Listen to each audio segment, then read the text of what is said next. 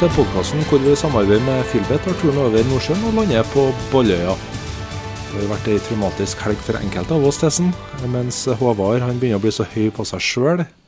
Men vi kan jo starte med å si hei, da. Hallo. Hallo. Hallo. Høydepunktene står jo ikke i kø for oss, Tessen. Nei. Eh, men eh, jeg må bare komme inn på først at jeg fikk en eh, melding fra en lytter etter forrige podkast. Han hadde et merkelig navn, egentlig. Kane 2009, så jeg trodde han var Tottenham-supporter. Men jeg tror nok han var Liverpool-supporter, for det han ville fram til, det var at eh, at han syntes vi nesten påsto at eh, Liverpool fløyt på flaksa. Uh, påsto han etter forrige podkast, og da måtte jeg bare forklare til ham at uh, for meg som Everton-supporter, så sitter det langt inne i hele tatt å være noe som helst positivt til Liverpool. Så hvis jeg kamuflerte det som en slags litt sånn flaksaktig, så da må jeg bare si at det er en slags forsvarsmekanisme for min egen del, i så fall. Eh, til og med jeg ser at Liverpool er et uh, lite hakk foran Everton for øyeblikket. Det, det er tungt å innrømme, men sånn er det.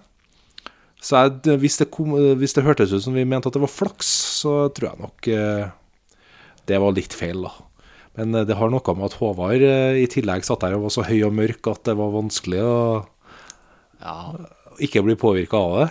Ja, prøv å jekke meg ned i dag, da. Vi kan jo driste oss til at uh, vi synes at Liverpool overleverer da, i forhold til Ja, det, det kan vi være enige om, Testen. Det er jeg enig i. Ehm, helga her var jo Det var jo en Det, Det som liksom skulle være toppkampen Eller liksom, det var jo toppkampen. Det var jo Manchester City-Chelsea. Men og siden vi har en Liverpool- og Newcastle-supporter her, så er det jo naturlig at vi kanskje fokuserer litt på den kampen. Og Tesen endte jo med 2-0-seier til Liverpool som forventa. Men hvilke forventninger hadde du egentlig før kampen?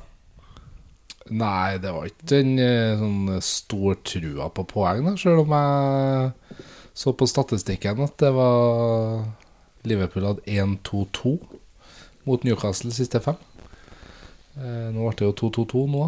Det blir vel gjerne 3-2-2 neste gang. Men, eh, men eh, Nei, jeg hadde jo litt sånn eh, håpet om at eh, Newcastle skulle eh, kanskje tette igjen litt bak, da. Og begge målene til Liverpool eh, kan man jo, eh, hvis man er Liverpool-supporter, kalle glimrende spill, mens eh, man kan rive seg litt i håret hvis man ser forsvarsspillet til Newcastle. Da. Hvem var det som var Er Lascelles tilbake, forresten, for eh, Newcastle? Han er jo det, men det er jo eneste Eneste mannen bak her som uh... Kan jo forsvare seg.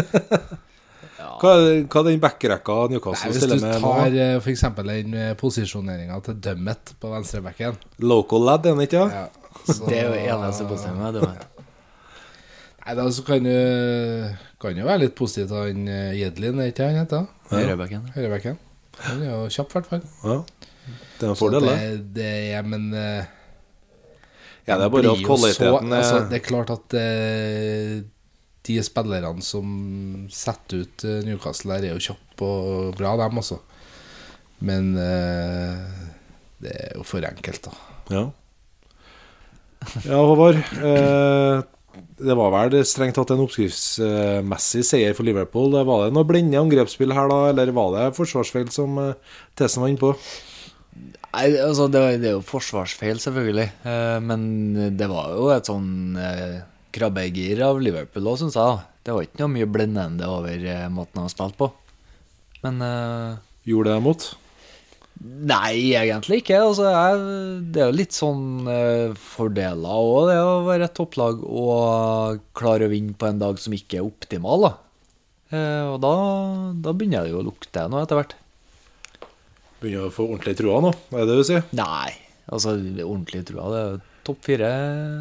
Ja, det, år, det bør nå egentlig bli, i hvert fall med tanke på hvordan det gikk i kampen på Etihad. Men, men eh, er det Her er vel problemet til egentlig Premier League i år, da. Det at de overraskelsene som det kunne ha vært her mellom Liverpool og Newcastle, de skjer jo ikke i år. Altså Det skillet mellom de beste lagene.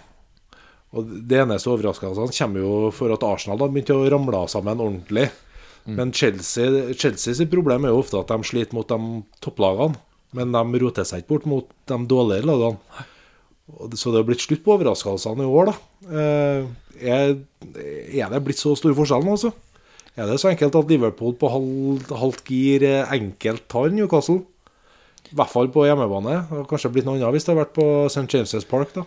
Ja, men de tar jo et Newcastle som eh, Etter min mening så har de jo nesten en championship-stall. Og i tillegg så er de i elendig form for tida. Så da kan de eh, gå seg til en seier mot, på, delvis på Krabbeger mot et lag som Newcastle. Så har de jo leid bort storskåreren sin Mitrovic i tillegg òg, Tessen. Han dunker jo så det holder, ifølge dem nå. Jeg vet jo ikke om jeg er sånn helt enig. eh, Altså, det er jo ikke lenge siden Newcastle eh, hadde en skrell mot United. Ja, men det var jo på på så hjemmebane. det er på en måte, Ja.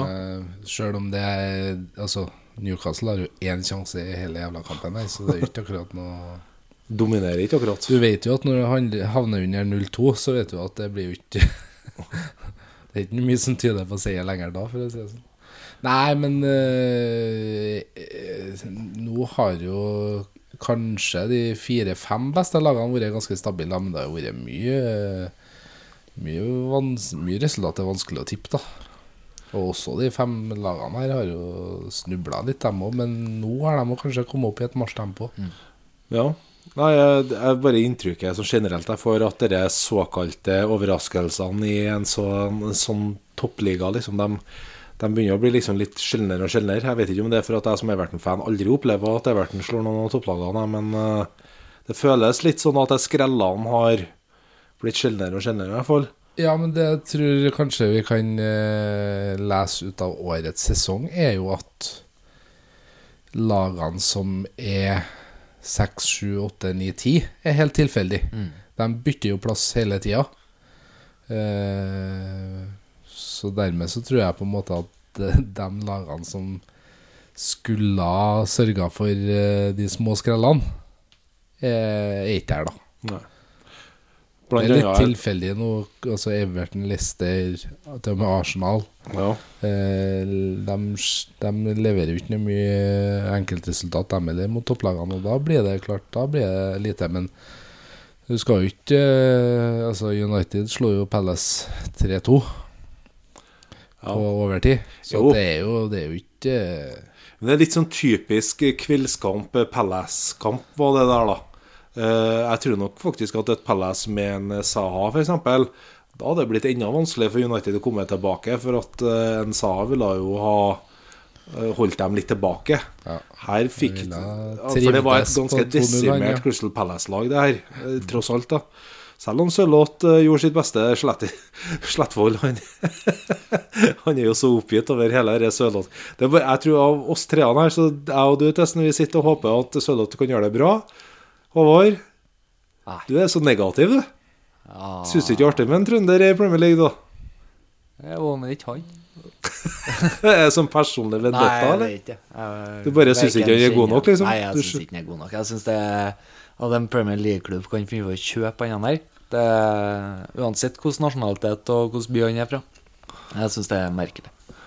Ja, nei, men eh, Vi får nå spille, da. Med mangel Ja på alternativ i Crystal Palace, Jo, men men, han må jo begynne å levere ja, til slutt. Før eller siden så holder det ikke bare å være det, liksom, det nye, unge Spiller spilleren. ti kamper uten å skåre, så begynner det å murres, tenker jeg. Ja, og i, I tillegg så jeg, jeg ser jo jeg òg at han er jo maks uheldig med at uh, Saha går av med skade i sin første kamp. For det hadde hjulpet å ha en litt sånn hadde to eh, kanter som kunne ha fôra med, med noen stikkere og noen baller. Så Men det som har skjedd, utrolig nok, da, her, her er jo rart, men her er jo psykologien i fotball òg. Altså, Benteke har i hvert fall begynt å skåre litt grann plutselig i Crystal Palace nå. Han øser jo ikke inn mål, men med en gang han har fått litt konkurranse, så hjalp det nå, det òg. han ser ut som en leve, i hvert fall, ute på banen. Ja, det er jo en syk redning av DGA som hindrer henne i å bli matchvinner, mest sannsynlig. Ja. Og der er jo det med United. Altså, United er jo et jævla mysterium i år, altså. De imponerer jo så sjelden. Men så har de jo enkeltspillere. Vi har jo sagt det 100 ganger nå, sikkert. og Gjentatt det til kjedsommelig. Men når du har en Dugea som kan redde hva som helst på en god dag, så vinner de en sånn en kamp som det her òg. Et desimert eh, Crystal Palace som hadde fortjent noe mer. Men så har du matchvinnere litt her og der, og det De er jo helt oppe i toppen, eh, United, og plukka mye poeng. Hadde ikke vært for at City hadde en sånn fantastisk sesong som de har, så har jo det her stått mellom Liverpool og United, eh, da, hvis vi har tatt bort City. sant? Så det Jeg vet da søren, altså. Det, det føles nesten dumt å kritisere det òg, men eh, det, det er jo noe som skurrer. altså Pogba, Sanchez altså, Det ser Det- ikke ut som Nei, det skjer liksom ikke Det gnistrer jo ikke akkurat. akkurat. Så det er litt sånn Men eh, det var deilig med en sånn mandagskveldskamp Sånne kveldskamper i London ofte på en mandag. De leverer jo om det eh, I hvert fall tidligere, da. Westham på Upton Park eller Crystal Palace på Sellers Park og noe sånt. Har jo en tendens til å bli litt sånn god stemning og, og litt fyrverkeri, og det ble jo den kampen her, da. Så United det, det mest imponerende er som sagt at de klarer å hangle seg fra kamp til kamp og faktisk plukke poeng. Og det er vanskelig å argumentere mot det. Du har jo en nabo vegg i vegg her som sa han eh, hadde ikke sett United så dårlig som første gangen. Nei. Og, det, og det, det skjønner jeg godt, for det var ikke mye å skryte av. Men eh, igjen, altså, med fasit i hånd, når det blir tre poeng, så blir det tre poeng. Ja. Eh, Mourinho er ikke fremmed for å Han er god på det. Ja. Og han eh, bruker det for det er ikke, verdt. jeg tror ikke han bryr seg så mye etterpå heller. Nei, det tror ikke jeg heller. Eh, vi hopper nå litt fram og tilbake her nå, men jeg må nå bare til lunsjkampen på lørdag. Burnley-Everton. Ja. Og det var Altså, Burnley er jo så middelmådig lag, men det sier jo dessverre alt om hvor Everton er, for å si det sånn. For det, jeg mener seriøst jeg, at Everton er, det er kanskje West Bromwich, men det er kanskje ikke West Bromwich engang som er dårligere i Premier League. For West Bromwich rundspilte Everton til tider når de møttes. Altså, det er så Det skal dårlig. sies at den kampen er vippa en god stund, ja. Jo, men det, altså, I andre gangen så hadde de jo så mye sjanser at, at, at Burnley skårer på heading en umarkert spiller og et, fors, et forsøk på noe soneforsvar på corneren her, det er nå én ting. Men det lå jo altså hele andre gangen så satt vi jo bare og venta på at det kom til å komme det målet. Så dårlig og uorganisert er jo Everton. Det ser ut som spillere på laget her som Ja, Ashley Williams ser ikke ut som en holdt til i ligasystemet lenger. Altså. Det er så dårlig. Vet du hva som slår Vet du hva som eh, jeg syns er artig med kampen her? Eller det jeg legger merke til? Det er den jubelen som er på stadion der. Når Williams blir utvist. Nei, jeg tenker på bare på målene og det trøkket fra Burnley. Jo, men det er jo det. Jeg, vet ikke hvor mange supportere Det, det er jo en 20 000, men altså, Ja. Burnley har jo 20 000 i en by der det bor 50 000, så det skal du ikke kimse av. Nei, men, men den stemninga som er på stadion der, den sier egentlig alt om go-en i det laget. Fordi at det er sånn Det, det høres jo ut som hele stadion skal gå i vei og revne når at de putter der. Selvfølgelig. Og det er jo ikke Burnley det er Burnley den tror jeg en del lag på en måte savner. Fordi at det er på en måte Alle andre lagene har et forventningspress på seg som er langt over Eller i hvert fall der de leverer, mens Burnley de leverer over forventning til supporterne. Og når Ashley Barnes ser ut som en meget habil fotballspiller, da, da er jo noe fryktelig galt, vet du. Men eh, eh, samtlig, altså, det byr meg litt imot å være så negativ liksom, til Burnley. Men altså, Burnley er De hadde jo ikke vunnet selvfølgelig siden 12.12., da. Og da er jo kuren Everton. Altså, jeg er sikker på at uh, hvis han skårer et mål igjen Han har jo skåra på 18 måneder nå. Så Så kommer det målet mot Everton. Det skal jeg garantere dere. Sånn er det bare. Skal jeg kjøpe meg Ber- Berraino-drakt? Han skal gå rundt med. Ja, men det kommer til å skje sånn, mine ord. Nei, men, så, så problemet her er jo ikke Burnley, problemet her er jo hvor elendig Everton er. Sånn er det jo. Eh, og det var jo fullt fortjent, så det, det liksom Jeg, jeg kan ikke gjøre klage og grave meg ned og synes at dette her er Altså, det har aldri vært så kjedelig å være Everton-fan i mitt liv. Og da snakker vi om et lag som holdt på å rykke ned på siste dagen. Og, står i. og nå ble det sikkert en nedrykksfinale mot David Moyes og Westham i siste serierunde, for sikkerhets skyld. da Det og det har nesten vært fint å rykke ned, vet du, så bli ferdig med hele Premier League-greia. Jeg er så lei. Det er så motløst. Og nå er det snakk om Arsène Wenger skal få fyken i Arsenal og komme til Everton. Ja, det hadde Det er ikke noe som overrasker meg noe lenger med den Ja, klubben. Ja, det hadde vært sånn ille. Det hadde, vært så, det hadde vært så typisk Everton. Everton å gjort noe sånt. Ja, altså, nå er Everton som henter Big Sam òg, så det Ja, det, Og han, han verste av alt Det verste av alt, at han har faktisk frekkhetens nådegave til å påstå at han har berga dem ut fra en nedrykksstrid òg. Med straight face så kan han stå her og si det at når jeg kom hit, så var Everton i trøbbel, og nå har jeg i hvert fall gjort det. I hvert fall ikke i trøbbel lenger. Her, jeg, jeg tror ikke de rykker ned, faktisk, da, for at det er mye lag og mye vann mellom eh, broene her. jeg tror de eh, er heldige med at det er så mange dårlige lag i Premier League. ja, ja, igjen, altså. Det her er ikke for at Everton er fryktelig Nei. god, nei. Det er for at de andre ikke er spesielt gode, for å si det sånn. Det er lag vet du, som konkurrerer mot og om å være dårligst, vet du. Sånn som West Brom og Stoke. Det er jo Stoke er jo redda egentlig sesongen deres at de har en, eh, Shakiri. Ellers Ja. hadde de lagt ned båten for lenge siden. De kan jo fortsatt rykke ned, skal Ja, sies. ja, så- de men eh, eh, West Brom, ja.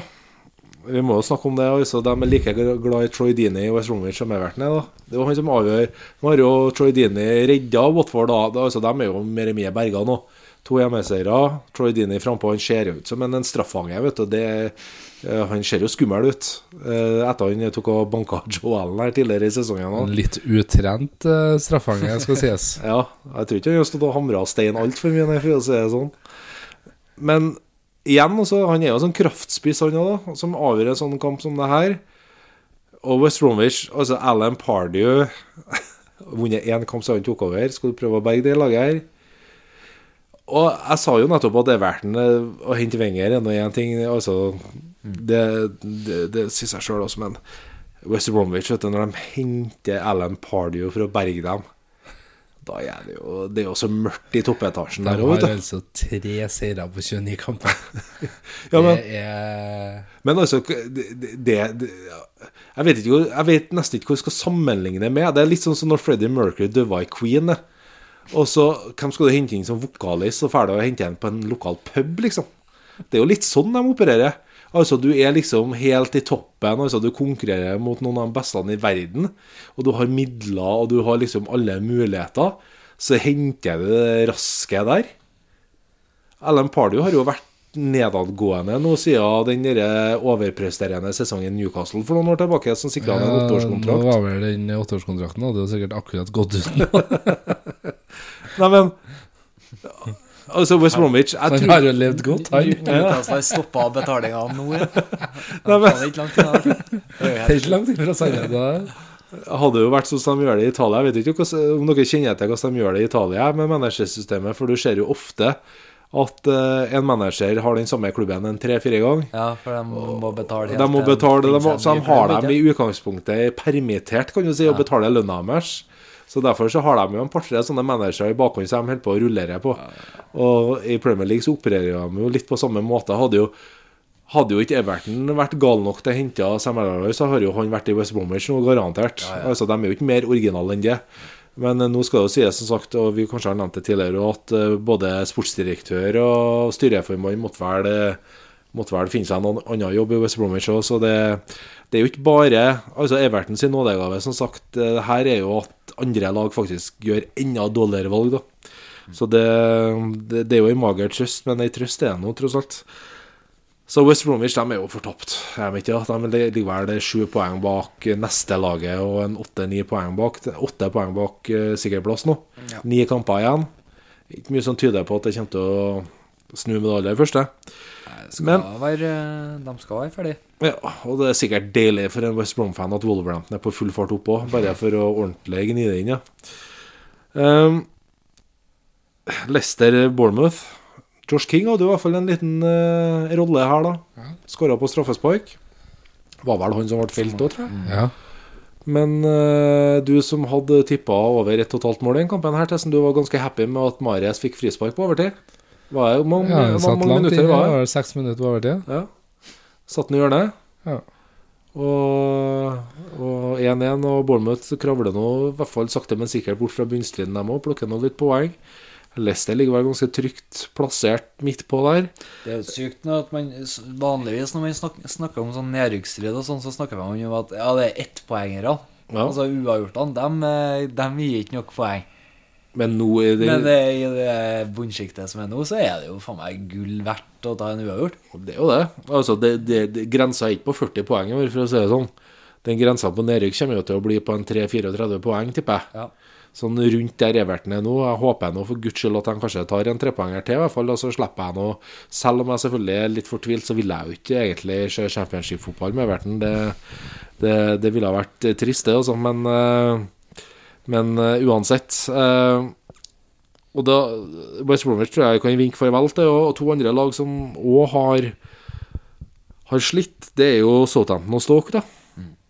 To rødstripa lag. Det jo, kan jo bli tømt for eh, lag med røde striper. Southampton spiller vel kanskje ikke med stripene lenger, men uansett.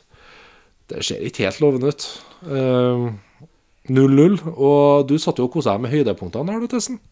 Det tok ikke lange tida. Nei, det var kjapt gjort. Det var vel det ja, hva var én bra sjanse. Det var vel en par eh, glimt til. Det var jo 42 minutter, det første klippet fra den kampen. Så det sier jo det meste. Det var ikke fryktelig festlig, altså. Nei, for det var, det var Bofall som kom inn, tror jeg, når det var igjen et kvarters tid. Og han fikk jo en gyllen mulighet på heading der. Hadde vel kanskje hjulpet at det har vært en eh, Charlie Austin og sånt, som kanskje har fått den headinga i stedet. Ja, jeg tror han skulle ønska seg noe annet enn Buffal, i hvert fall på Ja. det der. Men eh, han er jo ikke spesielt populær, eh, Pellegrino i, i Southampton heller. Han starta jo, hadde jo Gabbiadini på benken og Shane Long på benken. og Shane Long er kanskje ikke verdens mest fantastiske fotballspiller, men han springer nå i hvert fall. For innsatsen. Og, og er det jo noe Southampton trenger nå, så er det jo det. Eh, rykker noen av de to lagene her vi skulle ha valgt dette, ser det styggest ut for Stoke, eller? Jeg tror det. Ja. Tror at eh, Southampton kan eh, skrape sammen nok poeng. Et, et lag som virkelig har fått eh, døtten, det er jo Swansea, etter at de henta Carvajal som trener. Og her møtte de et Westham som var bleikt, må være lov til å si.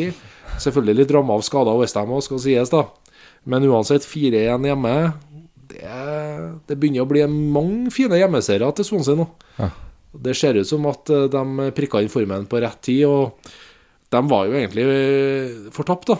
For en, ti kamper siden så var det ingen som trodde at de kom til å komme seg ut av det. det men det viser jo litt, jeg har jo en sånn teori på det, at når lag har ingenting å tape og bare satser alt, Ja. så skjer sånne ting som det her. Husker jo Leicester første sesongen da de hadde rykka på. Var jo akkurat det samme. Lå jo egentlig håpløst fortapt, dem òg. Bare begynte å, å satse framover. Og plutselig begynte de å plukke trepoengere. Sunland for noen år tilbake jeg husker jeg plukka jo en seks av sju mulige trepoengere på slutten, borte mot Arsenal, blant annet. ja. så det er noe med det at når du blir desperat, så prøv, prøver du alt. Og det har jo funka for Swansea, tydeligvis. Altså, glede for eh, I hvert fall for meg, som har sittet og halshugd disse manageransettelsene i de andre klubbene. Med Pardew og Hodgson og alt det rælet. Så hentet de inn en eh, spanjol eller portugiser. Portugiser. portugiser som Så fikk sparken i. Sheffield Wednesday og ble promotert opp til Premier League. Ja. Og så leverer jeg som han gjør, da. Så er det jo i hvert fall eh, håp om at disse utlendingene kan noen ting òg. Ja, det er for at England. fortsatt så akker de vel seg litt i England i at engelske mennesker aldri får sjansen. Men det er jo ikke mannen som skulle ta Swansea med storm i år, eh, tydeligvis, da, for han er en skada, han, eller eh, Da snakker vi Renato Sanchez nå. Ja. Eller en sendt tilbake, eller eh, Så han var ikke i troppen i helga, i hvert fall. Han var jo på vei til Trondheim. Det var jo ikke engang han Sørloth-gutten. Han var jo ikke på vei oppover hit engang, så det er jo helt vilt. Ja, det hadde vært et skup. Om ikke annet for PR-en, så hadde jo det vært ordentlig skup. Det var Jeg sa bare at uh, Bjørneby har ikke sett Swansea noe mye i år, da. Nei, det har vært vært skral. det, ja, men det er jo, det er jo nesten synd altså det, Dette kommer jeg aldri til å skjønne, tror jeg. Altså Fotballspillere som Jeg, jeg skjønner at eh, de har litt sånn golden patches, en fotballspiller òg. Men å levere på et ganske høyt nivå ett år, og så dette gjennom så Altså, vi snakker jo ikke litt. Vi snakker jo helt meningsløst dårlig, plutselig. Er det bare sjøltillit, eller var det Hva så går det an at det blir så stor forskjell? Jeg skjønner ikke, jeg. Det er jo ikke noe skader heller som egentlig har satt den ut så galt, så det må jo ligge oppi hodet. Nei, Det er vanskelig å vite, da, men altså, det Portugal-laget han leverte for, var jo veldig bra. Og så gikk han til München og gjorde kanskje ikke så dårlig der. Det var vel mer eh, kanskje konkurransen om plass på laget. Men så kommer han til et dårlig Swansea-lag. Da er det ikke bare bare å Da er nå tydeligvis ikke kommet dit at en tar et lag på skuldrene, i hvert fall. I tillegg så jeg og Kristian skal vel kanskje ikke være de som snakker om hva sjøltillit har å si, for det er vel ingen av oss som har mangla noe på den eh, noen gang. Det er bare fra, fra, fra, fra glemselen der er ikke mye sjøltillit. Aldri blitt dårligere fotballspillere og mangler sjøltillit, Kristian? Men, øh, men øh, en øh, annen kamp som vi går inn på, det var litt oppskriftsmessig. Litt annen målskåring enn hva vi vant til, kanskje. Men det var jo, det var jo Tottenham hjemme mot Huddersfield. Og jeg har bare sett høydepunktene men det som slo meg egentlig med de målene som var der, det var jo rett og slett at de var Det var jo sånn som skåra to mål der.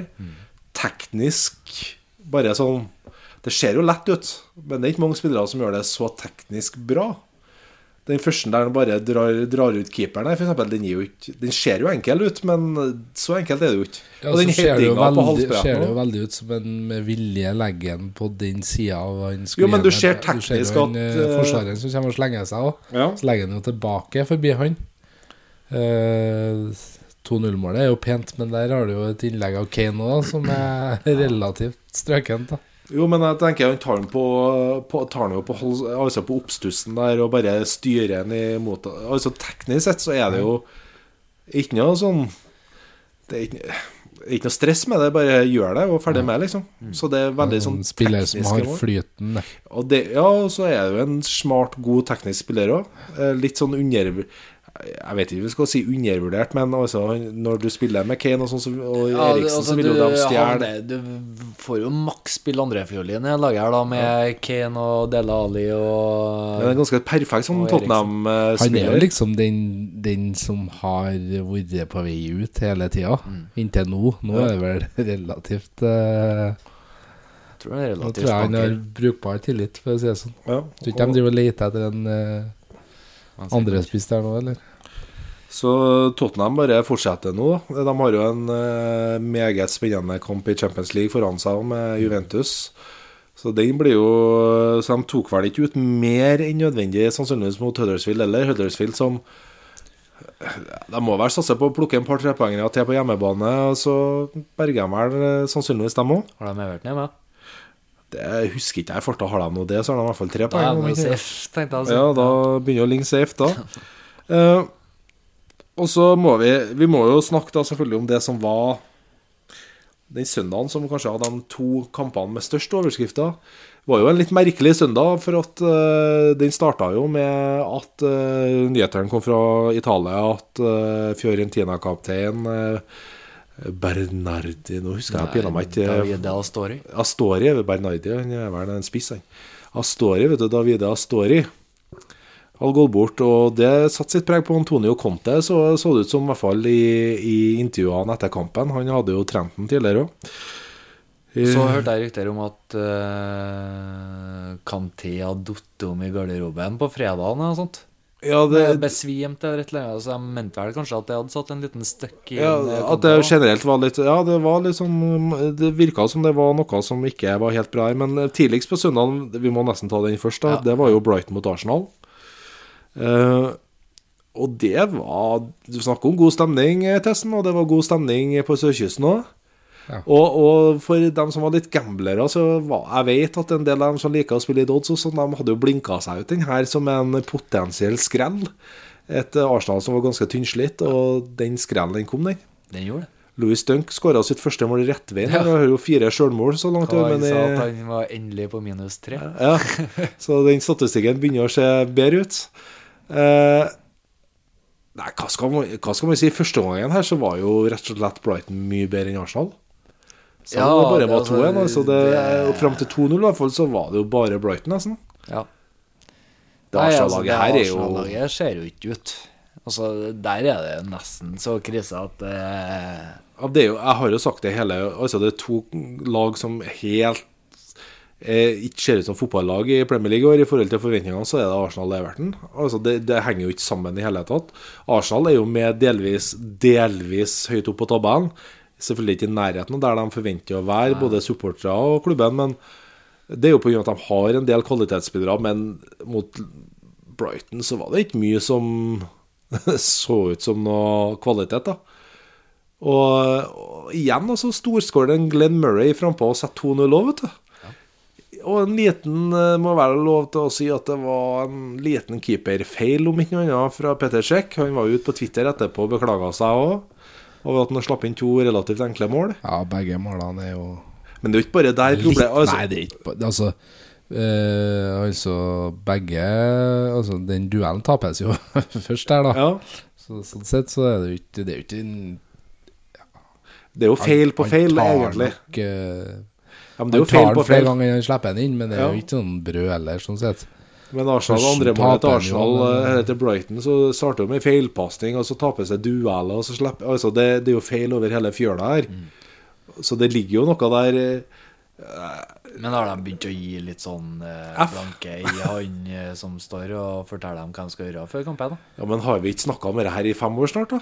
Det føles jo som det har vært snakk om lenge, men nå er det sånn Ja, men jeg synes ordentlig det, nå skinner det liksom gjennom, Jeg synes syns i jeg. hele år syns jeg Arsenal har vært så ustabil innsatsmessig at det er ikke artig engang. Og det er Jeg kan ikke for deg skjønne at Arsenal-fans er glad i Jack Wilshere også, men han var pinadø meg ikke fast på Bournemouth i fjor i gang. Nei, han var ikke i nærheten av fast på Bournemouth. Nei. Det var ikke eh, en Du skal ikke komme og fortelle meg at han er på det nivået han en gang var. Så det er jo, det er jo et sykdomstegn, det òg, at han faktisk har en viktig rolle. Det er nesten som at de famler etter en slags identitet. sant? Og, da, og jeg, jeg vet at Wilshere er en brukbar spiller, men han er jo ikke der han var. Og Sånn han- er det jo bare. Og han er ikke på det nivået som Arsenal-fansen krever at Nei. eh, en Arsenal-spiller skal være, altså. Han får jo Jeg, jeg, jeg innbiller meg at han får liksom litt sånn ekstra rett og slett for at han er local. sant? Ja. Jeg har også en Arsenal-spiller vært hele tida. Ja, og hvem altså- har han sinna seg? Er det favorittspilleren din? Ja. Ja. Kompisen Altså, det- Du er ikke imponert av Sjaka? du. Du- Det har du jo ikke vært siden han ble signert. Jeg sier at han har jeg vært så negativ til at han kommer jo sikkert til å blomstre. Ja, men når han blomstrer Men eh, nå har han jo hatt eh, snart to sesonger på seg, vel. Ja, Nei, det Eh, og jeg mener jo at mye av utfordringa ligger der, da. Altså, de eh, Den forsvarsrekka til Arsenal Den imponerer ingen for tida, men de får jo ikke hjelp. Det, Men det hele laget henger jo ikke sammen. Det altså det, igjen, eh, Jeg sammenligner litt med Everton nettopp for det samme. Altså, det hjelper ikke å ha én spiller altså I Everton så har vi jo hatt Pickford for eksempel, som har vært god i hele år, men det hjelper jo ikke når resten av laget ikke henger sammen. Så det hjelper jo ikke å være én svale på det Arsenal-laget heller. Altså det, det er jo altfor mange plasser det lekker, rett og slett. Men det, det er jo litt sånn når jeg og Kristian kommer i setter oss ned i dag òg, så ser vi jo bare på hverandre og tenker at det er Arsenal-laget her. Det gjør jo alle eksperttipsene våre til skamme, i hvert fall med å ha de to eh, stjernekjøpene deres som beste transfer deal. Men vi er jeg er ikke overbevist om at det, at det er dårlige kjøp. Nei, Jeg er jo men eh, overbevist om at det, det er gode kjøp fortsatt. Bare at det, det funker ikke i et lag som ikke funker. Det spørs, da. Det ser ut som det er Fulham som har gjort den beste dealen med å hente Mitrovic. Eh, Det tror jeg var, kanskje var den beste januardealen i engelsk fotball. Det ser sånn ut, eh, Tesen. Jeg hørte på et sånn innringningsprogram at det var en som var så sur da, for at de hadde endt opp med Slimani i Newcastle. Ja. Altså, så syntes det var så rart Eller jeg husker ikke hvordan programmet var, egentlig. Jeg synes det var så rart at han eh, At de havna på han på deadline day i stedet for eh, Eller at de hadde satt alle klutene til på Sturridge. Og så sier han, avslutter han med å si at ja, nå ble han Sturridge skada i første kampen, han, ja. men han har da spilt mer enn Slimani. Slimani har vel ikke vært på i banen, Han Har ikke vært i troppen, ja. Skada. Skada det i. Skada han? Han inn skada for et halvår. Det det, var, det var et bilde her. Han, er- han er i trening. Det er trening. Så jeg er bra Hyggelig på å ha i miljøet, da. Hyggelig å ha i miljøet. sikkert en fin fyr. uh, ja, men det, det er jo nesten bare i Premier League og England at du gjør sånt. Ja, det ja. For pengene sitter jo så løst at uh, Ja, det er helt naturlig å hente inn en skada spiller på lån. Uh, nei, det er sånn Det viser jo hvor desperat man er på deadline day. Da. Ja, det gjør jo det. Altså, De gambla jo. Ja. Jeg synes, men jeg syns fortsatt det er rart at Mitrovic gikk på utlån. De var sikkert ikke så fornøyd med den eh, samtalen de hadde med Lester. Da. Nei, nei, han er, han er i fin form, han. Jeg rakk ikke å ta medisinsk sjekk, så det ble noe sånn. det ble. Vi kan ta han for Tar det dere. på ordet. Eh, Det ville ikke vært første gangen i fotballen sikkert at noen har tatt en sånn en. Men så var det jo som sagt toppkamp da på søndag ettermiddag, og det var jo Manchester City mot Chelsea. Vi var jo inne på det, litt sånn spesiell oppladning for Chelsea òg. Men det var en spesiell eh, spilleplan, gameplan fra han eh, Conte òg. De prøvde jo ikke heller. 5-4-1, og så press som starter 20 meter inn på egen halvdel, og hvis det kalles et press, så Hadde, had Chelsea et skudd på mål? Det var tilbakespill i så fall fra City, som var litt hardt. For City Det følte Altså, hvis du ser kampen sånn under ett, så Det ble 1-0. Men det, det kunne like Altså Det er nærmere 10-0 enn eh, 1-1. 1-1. Ja, men det er jo det, faktisk. Altså, så dominant var jo City, og jeg tror nesten det sneik seg inn en sånn en at det ser ikke ut som Chelsea prøver, så da tok de ikke ut mer enn nødvendig City heller, føltes det som. Men her er jo liksom fjorårets mester mot det som blir årets mester, da. Og så er gapet blitt så stort, og Conte har jo vi, vi har jo vært inne på det tidligere. altså Conte holder på å vente på at han kan dra hjem til Italia og få pasta og, og lasagne og alt som tilhører det gode livet i Italia igjen. Tror de har noe italienske i London, altså. Ja, det har de sikkert, men det er litt finere å sitte i sol enn å sitte inn Ja, altså. inn og beskytte seg for regn- regnet. Nei da, men eh, det er jo mye som tyder i hvert fall på at han har lyst til å, å drar tilbake til Italia. Eh, og klager jo da på spillerkjøp, og etter kampen her også var akkurat samme. Sant? Altså, det var at City de har spillere, eh, penger til å hente dem de vil. Men så har jo Conte fått henta en del av dem han vil, han òg, så det begynner å bli litt sånn utslitt argument, her, da. Ja, altså, han henta på de to siste vinnerne, og så har han vel henta en fire-fem spillere fra italiensk fotball, ikke sant? Eller som har vært innom der med Ja, Morata blant annet var jo der. Og så han høyrebacken som er så helt. Zappa Costa. Zappa Costa, ja. og Alonso. Ja. Og så ender han jo selvfølgelig i tillegg da opp med Drinkwater og Ross Barkley. Det er jo Det er jo ikke noe gledesnyhet, det er det som manager. Å få, få dem geleida inn døra til. Sier du at Ross Barkley ikke var en kjempeinvestering? Mm, ja, det sier jeg. Beklager, Frank. Nei, men uh, konklusjonen her er jo rett og slett at City er i en egen klasse, forsterka av den kampen her òg. Chelsea ser ut som litt sånn Hva skal jeg si? Det er jo skuffende de leverer. De er jo på femteplass, og, og det er jo mer og mer som tyder på at uh, de tre siste Champions League-plassene går da til Tottenham og Liverpool og, og United. Ser ikke ut som uh, verken Chelsea eller Arsenal har tenkt å dem noe fight på det. Nei, det, det ser jo litt sånn ut nå, men det, det er ni kamper igjen, ikke Ni kamper. Det, Men det er jo, det er jo, det er jo fem poeng opp eh, til Tottenham for Chelsea sin del, da. Ja. Det, er ikke bare bare å ta inn på en eh, ja, to seire mer enn Tottenham, da. De siste ni kampene. Tida begynner å renne ut litt. tror jeg. Ja. Arsenal er ikke vits å nevne engang, men eh, altså, de, er jo, de er jo 13 poeng bak Tottenham. Så det begynner å nærme seg eh, anti-St. Totterings Day snart. Da var de 33 bak City, ikke det? Men? Eller noe, i hvert fall noe helt sykt. 33 bak City. Ja. Det er litt Det er jo helt vilt. På sjetteplass. Jeg lurer på om det, Men det, det, Nei, du ser jo nesten Andre lagene har gitt opp å slå City. ja. Så enkelt det. Så det den, eh, De kan like godt ha noe pokalutlevering. Jeg regner med Paddy Power og guttene har begynt å gi ut penger allerede. Jeg vet ikke om ja. Feelbet, uh, våre sponsorer, har tenkt å gjort det, men jeg tror de trygt kan eh, begynne å betale ut eh, Betale ut den eh, allerede. Jeg tror det eneste som hindrer dem med å betale ut, i så fall at de vil ha rentene av pengene. Ja, Det er lov til å sende en mail og prøve. da. Prøve deg på en support til Feelbet og si at eh, vi må bare, det er bare å begynne å betale ut. Nei, jeg tror nok City er ganske sikker der, altså. Ja. Så Nei, en sånn Litt sånn begivenhetsløs helg på mange måter. Så Den store overskrifta er rett og slett at Brighton slår Arsenal, og at Wenger sitt ry holder på liksom å rakne helt. Jeg tror det er det folk flest husker etter den helga her. Eh, Det er i hvert fall det jeg sitter igjen med. Ja, altså, men jeg, du kan jo selvfølgelig slå et eh, til noe positivt med at du fikk en rysare av en mandagskamp, da.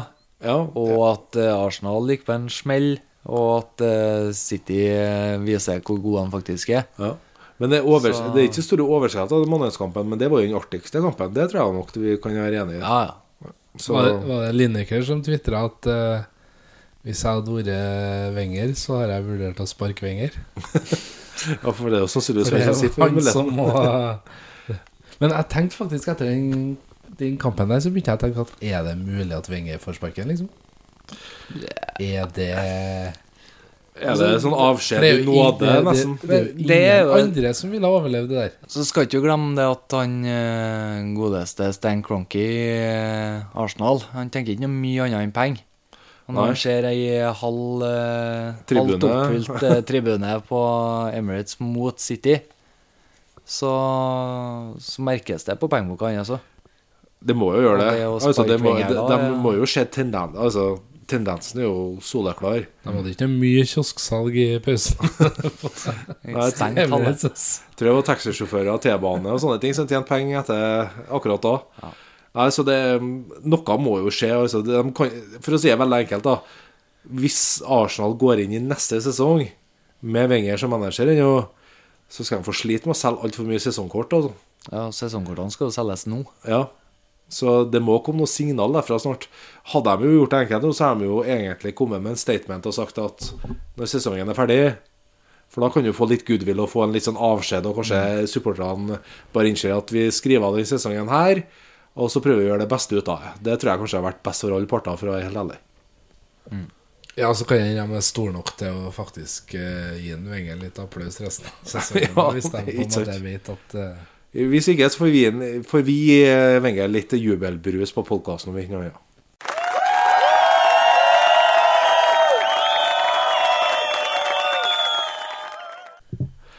Vi må en liten tur eh, utaskjærs i, i Balløya i dag òg. Og jeg slår et slag for skotsk fotball, da. Og endelig, eh, vil mange si, utenom Celtic-fans kanskje, så begynner liksom Rangers å bli litt slagkraftige igjen. Allerede til helga så er det Old Firm eh, i ligaen. Og hvis Rangers vinner den kampen, så begynner det faktisk å bli en slags kamp om ligatittelen i, i, i Skottland. Eh, hvis Celtic vinner, så er jo den selvfølgelig avgjort, så, men uansett, Rangers har fine muligheter. Det blir jo en artig periode nå, for det var jo cup i Skottland i helga. Det var jo Celtic da tok imot Greenock Morton hjemme. Eh, 3-0-seier der. Eh, Etter en svak førsteomgang så retta de opp inntrykket andre omgangen, eh, Celtic. Rangers tok en 4-1 hjemme mot eh, Falkirk, også fra Championship da, i Skottland. Eh, Jason Cummings frampå med fire mål der. Eh, Det ble trekning senere på kvelden, og det betyr at eh, de møtes i semifinalen på Hampton Park, eh, Celtic og Rangers. Og i løpet av relativt kort tid nå, så blir det tre eh, Old Firms i Skottland, der Celtic har jo dominert siden Rangers ble sendt nedover i divisjonssystemet. Men her ser jo Rangers-fansen muligheten. Tar dem en ligaseier i helga. Ordner litt spenning der. Kanskje slår ut Celtic i cupen og kommer til cupfinalen. Så begynner ting å bli litt eh, balansert igjen i skotsk fotball.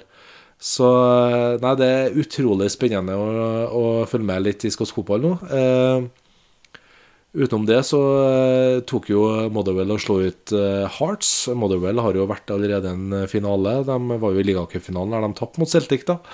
Men eh, kanskje får de sin revansje mot Celtic i FA-cupfinalen i mai. Så nei, i skotsk fotball, trivelig. Jeg vil komme med et lite tips hvis dere har lyst til å se litt skotsk fotball, og hvem har ikke lyst til det, sier nå jeg.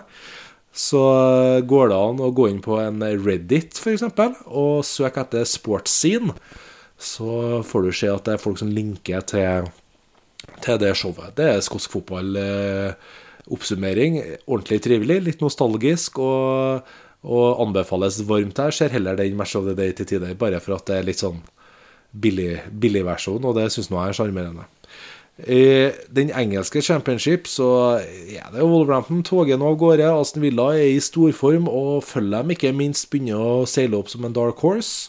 Cardiff har fortsatt litt kontroll på andreplassen, men eh, det begynner å tette seg til ordentlig. Eh, Er man en liten gambler, ville jeg kanskje satt noen kroner på et følg-dem-opprykk. De virker fryktelig solide for tida, i hvert fall. Så det er det som er å melde utaskjærs den gangen her.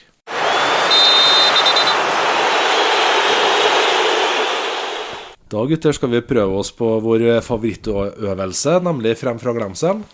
Og den gangen her så har jeg jo måttet tatt på meg ansvaret og ordna den, for at uh, det begynner nesten å bli pinlig nå hvor enkelt jeg tar deres oppgaver. Du prøvde deg sist gang, Håvard, og det gikk sånn passe. Ja. Så jeg tenkte i dag at hvis dere ikke får til det her, ja, da, da, da er det ikke noe håp. Da må vi finne på noe annet, tror jeg. Da må vi finne på noe enklere, noe alternativ eller et eller annet sånt. Ludo. Vi får se. Ti poeng. Hei. I dag prøver vi noe nytt, nemlig Hvem er vi? I et forsøk på at de her to deltakerne skal klare å plukke noen poeng, så må det gå an å treffe hvis vi er tre stykker å gjette på. Vi er i familie og født og oppvokst i London, og har alle spilt for Queens Park Rangers. Men den eldste av oss var litt av en okse som spilte litt før oss to andre i perioden 1986 til 2006.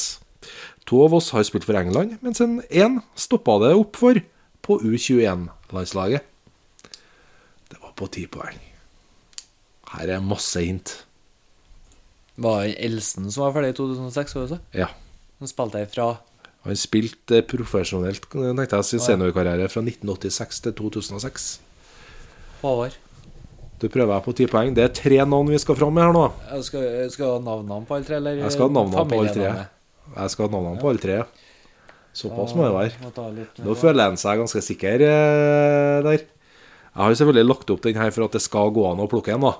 Får på en som funker. Skal vi gå på åtte poeng, da? Nei, vi må vente til den er skrevet ferdig. Du var så sjølsikker der, Håvard, at jeg nesten trua på at du har knekt ånden.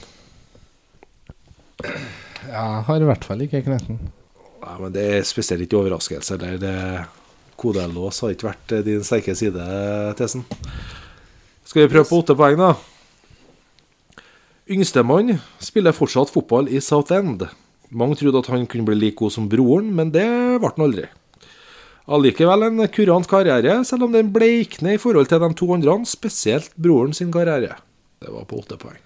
Ja, jeg sier noe, jeg òg, men jeg kan jo bare to av navnene. Ja, du får uh... Jeg vet, aner ikke om de har en tredjemann, men det Ja. Skal vi bare gå videre, Jeg tenker? Skal ja, vi prøve bare- å safe? Jeg, jeg skriver. Du skriver? OK. Husk på tre navn. Håvard, ble du litt skeptisk nå plutselig? Ja. Jeg tok ikke den igjen, jeg. Er det, ble du psyka av han i Southend nå, eller? er- Ja, at eh, Eller hadde de ikke så blistrende karriere av dem du har tippa på? Som, Jo, men at uh, han yngsten ikke, i hvert fall ikke hadde like blistrende karriere som han største broren. Ja? Men er det tre brødre? Nei. Nei. Det er far og to sønner. Nei. Å nei. Da, for jeg var på far og to sønner. Ja. OK. Nei, det er det ikke. Det er ikke Harald Berg og gutten sønnene. Nei, men han har tre sønner. Jo, det er bare at to av dem hadde kanskje litt større karriere enn sistemann. Av eh, forskjellige årsaker, det, men her eh, Det ser jo ikke lovende ut, Håvard, men vi prøver noe videre her nå. Og Det er jo ikke vits å tippe, men for lytterne sin del så kjører vi nå hintene. For to av oss kom gjennombruddet på Upton Park, mens en av oss gjorde navnet sitt på Loftus Road før veien gikk nordover. Langt der i nordøst ble det mange mål, selv om spisspartneren skåra enda flere. Frykta var vi uansett. Var på seks poeng. Tesen har du. Den mellomste det er fire poeng da, den mellomste var den som gjorde størst karriere. Først gikk turen til Ellen Road, før Old Trafford ble adressen. I tolv år var jeg der, og må nok regnes som en av sir Alexes beste kjøp, selv om jeg ikke var billig. Og på to poeng, hvis du ikke vet hvem jeg er nå, så er det bare å gi opp. Det er Ja, vi er nå. Så er det bare å gi opp. Eh, Håvard, på ti poeng. Hva tippa du? Jeg tippa familien eh, Wright Phillips. Det var et godt tips, men det var helt feil. Og da er spørsmålet til Tesen Klarer du å dunke inn det her, da? Jeg tippet familien Ferdinand. Det stemmer, og da er navnene på Men dem òg. jeg har jo ikke mer enn Anton og Rio, da. Du kødder med meg! Jeg kommer ikke på siste år. Og Det er jo Newcastle-spissen i tillegg. Som heter Ferdinand Tederland. Å ja! Det hadde jeg faktisk ikke plukka opp. Hadde du ikke plukka opp den? Nei. Nei, da, det da, da, du får Da har på- du lest, det. Ja, Men det verste av alt er at jeg vurderte å tippe en på ti poeng. ja, Men jeg altså var ganske sikker på at han hadde Men eh, altså, du, du kan ikke få poeng hvis du ikke plukker den som du bør ta, da. Altså at du plukker enten Ferdinand Altså enten Ferdinand Ferdinand på åtte, den tar jeg lett til meg. ja, Det blir straffepoeng, på så. Nei, men altså, Håvard hadde i hvert fall et eh, kalkulert tips, mens du ikke huska Les Ferdinand som en, nesten en legende i Newcastle, føler jeg. Jo, jo, men uh... En av de få bøtene i Jeg klubben. tror, jeg tror Les Ferdinand Du burde jeg selvfølgelig huske her, men jeg tror han er onkelen eller søsken. Ja, det er såpass ja, sånt. perifert. Ja, jeg tenkte brødre jeg nå, vet du. Ja, men det var jo litt av poenget mitt òg, da. Det er derfor jeg, jeg skrev familie og ikke brødre. Det var jo nettopp derfor. Så Nei, de hadde en, de hadde en brukbar karriere. Anton Ferdinand har jo hatt en litt fallende kurve, må være lov til å si, etter at han eh, ikke kanskje gjorde altfor stort avtrykk i Sunderland, i hvert fall ikke i positivt tegn. Så har du vært innom Police United i Thailand, tror jeg. Og nå spiller han da i Southend, så Nei, Var ikke han en av de guttene som ble henta til QPR av eh, Harry Redknapp? Det vil jeg tro. Når det fløy inn med cash der, han, eh, han Jeg eh, som eier flyselskap borti Asia Ja, var han, var han der var han tidligere, men ja, han ble garantert hentet av Harry Rednap. Ja, jeg tror det var Han skulle jo bli bra, Anton Ferdinand, men det ble liksom, han klarte ikke helt å leve opp til broren. da Nei. Det må være lov til å si, det. Nei, men eh, da neste gang Hvem har lyst til å ordne neste gang? Blir det du og Testen som ordner neste gang? Det kan jeg gjøre. Så får, eh, får vi opprette status quo til neste gang, Håvard, ikke sant? Ja, vi får prøve.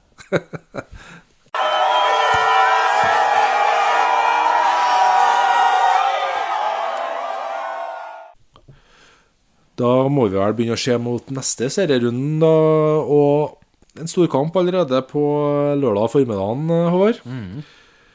Da skal til Skal fokuset rettes mot Old Trafford og Manchester United mot Liverpool, da. Et klassisk storoppgjør i engelsk fotball, det. Hva du tror Sånn eh, Kan det bli en målfest? Kan dette her bli en eh, artig kamp, tror du? Det er jo to litt forskjellige spillerfilosofier som skal møtes her, da. Mourinho Jeg tenker sånn United må gå for en trepenger her, dem òg, må de ikke? Kan ikke dette her bli en litt gladkamp, da? Eller er det bare jeg som håper? Jeg tror Mourinho må ingenting. Men uh, Er han så kynisk at han tenker at ett poeng her er greit? Ja. Tror du? Ja, Er han ikke er mer, er ikke mer ambisiøs enn det, tror du? Jo, men han er kapabel til å finne ut at Altså, Ett eh, poeng selvfølgelig gjør jo at han holder. Liverpool bak seg, så eh, det ville ikke overraska meg veldig, nei, men da har du egentlig sagt at City Nå har vi gitt opp. De har kanskje gitt opp allerede, også, men da har du virkelig gitt opp, hvis du ikke prøver engang. Ja. Så blir det kjedelig, eller?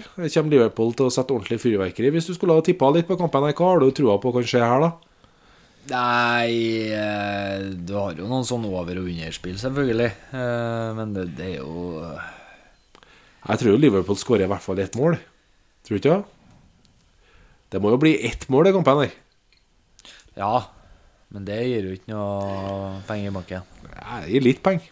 Den kampen her er helt umulig. Ja, men jeg syns den er umulig, for at jeg, Det er nesten så at jeg bare tenker at Men hvis litt negativ at- nå, så blir det, blir det bra. ja, Jeg tror det blir en dritkjedelig kamp. Vi kan bli, kun bli positivt overraska. For jeg klarer ikke å plukke ut hvem som kan vinne en gang heller. Så det, det, det Nei. Begge lag skårer. Skal vi være så optimistiske, f.eks.? Ja, det Jeg vet ikke, jeg. Hva, går det an å få noen kroner på det, i så fall? da? 1,64 i odds på begge lag skårer på Fylvet. da. Ja, Så en litt sånn halvkjedelig 1-1-kamp, da, sånn høres det ut som et scenario vi Ja, det kan vi Ja. ha litt trua på. En kamp som uh, i utgangspunktet skulle ha vært litt sånn kjedelig for Everton sin del, er jo hjemme mot Brighton da, klokka fire på lørdag, men det er jo et, en must win-kamp. Brighton eh, leverer jo så det holder, dem, da.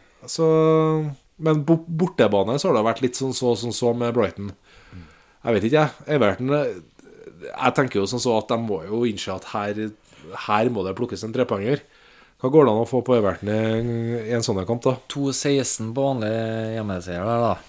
Ja, ja, ja. Det er jo Altså, det er jo godt betalt uansett. Så lenge hvis du plukker rett eh, resultat her, så kommer du godt ut av det. For det er 2,16 på Everton, og 3,15 på U og 3,70 på Brighton. Jeg tenker jo sånn så at Everton Dette er en kamp de må vinne. Så det, ikke, det bør ikke stå på innsatsen. Ashley Williams er suspendert, som betyr at eh, Jeg så jo Funes Mori faktisk hadde spilt eh, reservekamp i går. da Kanskje litt for tidlig å hive inn han allerede. Men ikke verdens beste fotballspiller, Mori, altså, men han er i hvert fall steinegal, og det, det trenger vi, for å si det sånn. En som er litt eh, Viser litt passion. da Det kan være noe å ta med seg. Så Nei, faktisk, jeg er negativ til mye med Everton, men jeg må, som Everton-supporter, så må jeg ha litt trua på en hjemmeseier, rett og slett, i den kampen her, da. Mm. Så får jeg bare bli skuffa.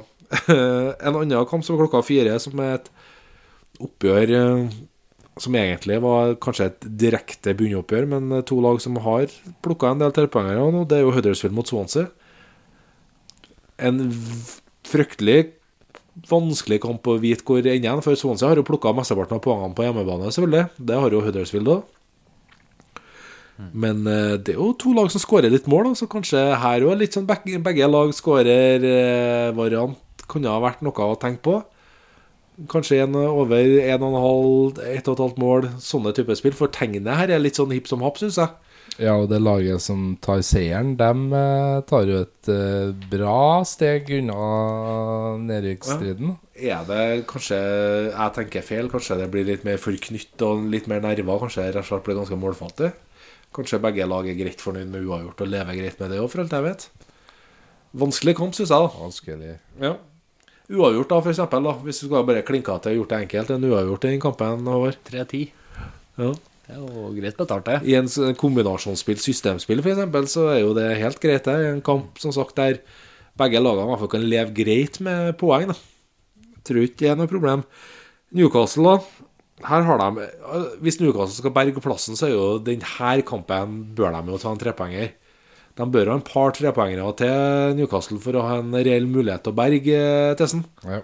Hjemme mot Southampton. Det bør ikke- stå på innsatsen, da. Jeg har ikke trua, nei, men, uh... Ja, Men det er bare for at men det er en viktig kamp, da. Ja, det er jo for er begge en, lag, selvfølgelig, ja. men uh, her, her Newcastle må jo kjenne besøkelsestida si her, tenker jeg. Hvis jeg først skulle ha tippa med kampen her, så hadde jeg jo kommet til å tro på Newcastle. Jeg vet ikke hva Mm. markedet sier, men hva sier oddsen? 2,67 på Newcastle.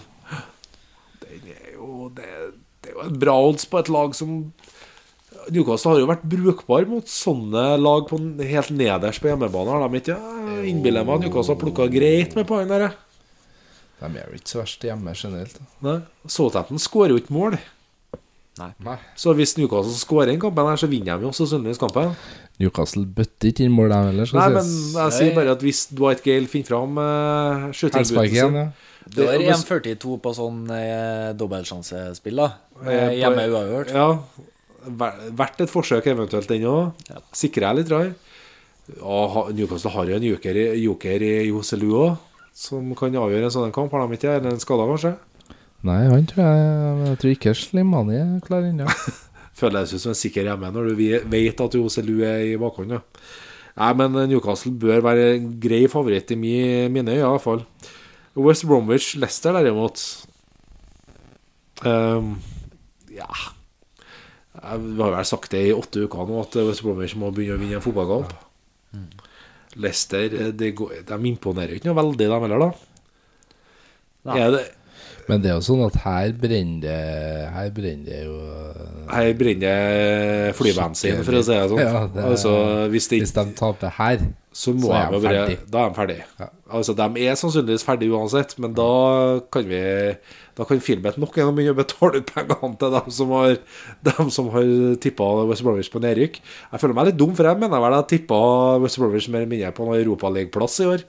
Så det var ganske helbom, men uh, Sammen med Everton, sikkert. Nei, jeg, var, jeg tror faktisk Jeg tror i hvert fall West Bromwich kom til å komme høyere enn Everton. Det Ah, ok. trodde jeg jo. Jeg var jo litt sånn skeptisk. Uh, nei, så West Bromwich må jo vinne, men hva får du på West Bromwich, da? Hvis du skal liksom gi dem en siste, et siste halmstrå? 2,90. Oddsen er 2,90 på et hjemmelag, da i hvert fall mot Når de ikke møter akkurat et topp, topplag, da. Det sier vel litt om hva som West Bromwich blir betrakta. Det er en grunn til at de ligger nederst òg, selvfølgelig, men samtlige De har Rondon, og de har Rodriguez, og de har jo Sturridge òg, faktisk. sant? Ja. Ikke at han eh, har gjort så mye vesen av seg, selvfølgelig, men de bør jo ha liksom muligheten til å skåre noen mål òg, vet du. Det er jo et lite mysterium, alt det der. Samtidig så er jeg litt Jeg føler det som at West Bromwich kan fort dra på med en storseier i en annen kamp enn her. Kanskje skjer det her. Westham tar imot Burnley. Uh, Burnley som da slo Everton eh, og vunnet en kamp for første gang igjen på flere måneder. Jeg tror han kan få slite litt borte mot Westham. Westham som uh, ikke var spesielt bra borte mot Swansea. Mista jo Winston Reed, da, Westham.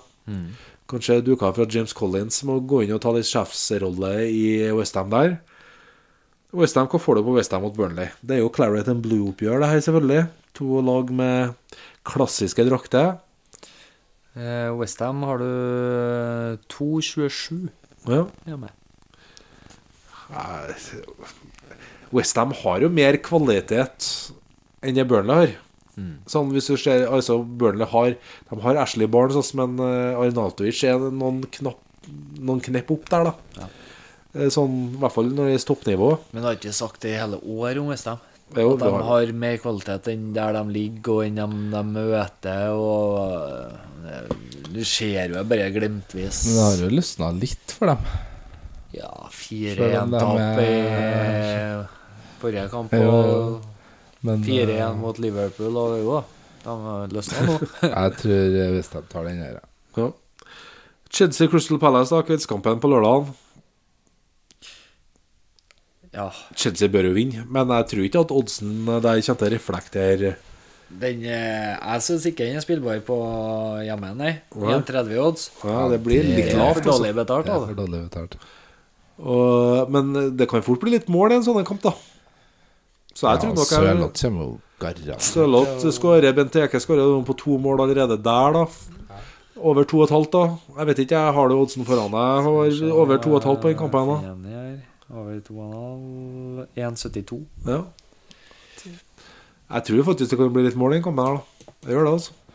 Så jeg hadde vært meg, så hadde jeg nok gjort det. Eh, søndagen, Arsenal-Watford, og her skal jeg bare komme et lite sånn Jeg nevnte jo Troy Dino har vært frampå og skåra et par mål. Han er vel Arsenal-fan òg, så vidt jeg vet.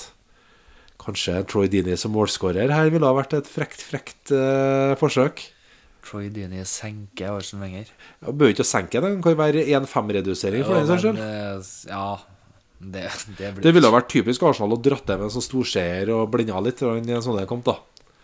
Bare sånn siste krampetrekning igjen, som det har vært mange av opp igjennom. La han berge ut sesongen, ja. Kanskje, kanskje Troy Dini som uh, målskårer har vært noe uh, Vi sitter kanskje ikke med oddsen rett foran oss, men, Ja, inn. ja. nei, men en sånn spesial, spesialspill der, ha det i bakhodet. Sannsynligvis så blir det en storseier til Arsenal, rett og slett bare for at det er typisk Arsenal. Uh, eh, Tottenham, da. Den er Den er litt kinkig. Ja, jeg er enig. Ja, altså kinkig i den forstand at Tottenham møter jo Juventus nå på onsdag i, i Champions League. Ja. Uh, vet jo ikke hvordan den kampen har gått. Kanskje det blir ekstraomganger, for alt jeg vet, i en, en sånn kamp. Tar ut Går de videre, så kan du få en litt sånn mental sånn utladning, tenkte jeg å si, selvfølgelig. Uh, så Tottenham er et B-lag i Bournemouth, det skjønner jeg òg. Bournemouth kan være et ekkelt lag å møte i en sånn kamp. Ja. Og da, har det ikke hatt en tendens til å være litt sånn uh, målrikt mellom Bournemouth og Tottenham på sørkysten når de har møttes? Jeg mener Tottenham har skåra bra med mål der borte der. Kanskje et overspill der òg kunne ha vært noe å tenke på. Ja, det var jo på over 2,5, så får jeg 1,60. Det er ikke Nei, men det, det, det indikerer jo litt at det blir en del mål i en sånn kamp, da. Ja. Så jeg tror nok til for å sette et tegn, så ville jeg jo sett på muligheten der. Kanskje Harry Kane som målskårer, men det er vel ikke høye oddsen der heller, sikkert. Nei. Men kikka på litt sånne muligheter i den kampen der. Josh King kanskje som målskårer. Kanskje han, har en tenne I fjor så begynte han å skåre bra med mål på slutten av sesongen. Begynte ikke du ta så levere en dobbel med King og Sørloth, da? ja, Du blir i hvert fall millionær før du rekker å pushe ut det.